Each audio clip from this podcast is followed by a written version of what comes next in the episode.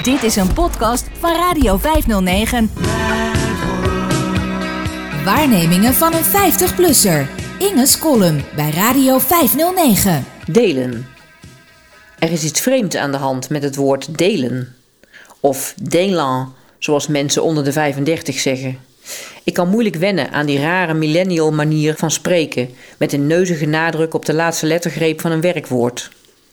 Maar ik heb het hier over de betekenis van het woord, niet over de uitspraak, hoe irritant ook. Delen betekent volgens mij dat je iets samen doet. Je deelt een kamer of een bank of een stuk taart, of je deelt dezelfde hobby of de liefde voor katten. De laatste jaren wordt het woord vooral gebruikt in een wat andere betekenis, die het volgens mij eigenlijk helemaal niet heeft. Delen betekent nu dat iemand je iets gaat vertellen. Mag ik even iets met je delen? Meestal komt er dan iets wat je liever niet had willen weten. Wat je ook vaak hoort, zou je dit met ons willen delen? Dan vraag je iemand om de ander iets te vertellen. Vaak iets wat de eerste persoon misschien liever niet kwijt had gewild, maar waar hij of zij toch toe aangespoord wordt. De kans lijkt me groot dat dit gebruik van het woord van oorsprong uit de therapiewereld voortkomt. Je kunt het voor je zien. Een groepje mensen op ronde poefs in een kring. De sessie begint en de therapeut vraagt: Wie van jullie wil iets met de groep delen? Vervolgens is de betekenisverschuiving doorgedrongen in het werkjargon. Kantoormensen, waarschijnlijk, zoals meestal, met het bedrijfsleven in de voorhoede en de publieke sector erachteraan, delen voortdurend van alles met elkaar. Good practices bijvoorbeeld, ook zoiets ergs. Een good practice is natuurlijk gewoon een goed voorbeeld, maar dan wat opdringeriger. Een good practice is bedoeld om navolging te krijgen. Je legt dat niet zomaar naast je neer, maar voelt je erdoor aangespoord om er een schepje bovenop te doen, iets meer je best, iets verder te reiken. Dan word je net zo goed als die collega, dat bedrijfsonderdeel, die andere afdeling. Good practices negeren geeft kans op problemen, mogelijk gevolgd door ontslag. Als je in een werksituatie iets met een collega deelt, betekent dat niets wederkerigs meer, zoals met delen volgens mij vroeger wel bedoeld werd. Je vertelt een ander iets en wel zo dat hij of zij er niet omheen kan, er iets mee doen moet. Er zit iets zeer dwingends in. Het is niet vrijblijvend. Van de werkvloer is het woord inmiddels ook doorgedrongen tot het normale menselijke spraakgebruik. Laatst zei een vriendin die mij iets wilde vertellen dat ze nog iets met me wilde delen. Ik zei er niets van, maar ik bedacht me wel dat ik deze manier van zeggen behoorlijk veel dwingender en aandacht opeisender vind dan wanneer ze zou zeggen: Ik moet je iets vertellen. Want dat was wat ze deed. Er kwam een verhaal en daar reageerde ik op.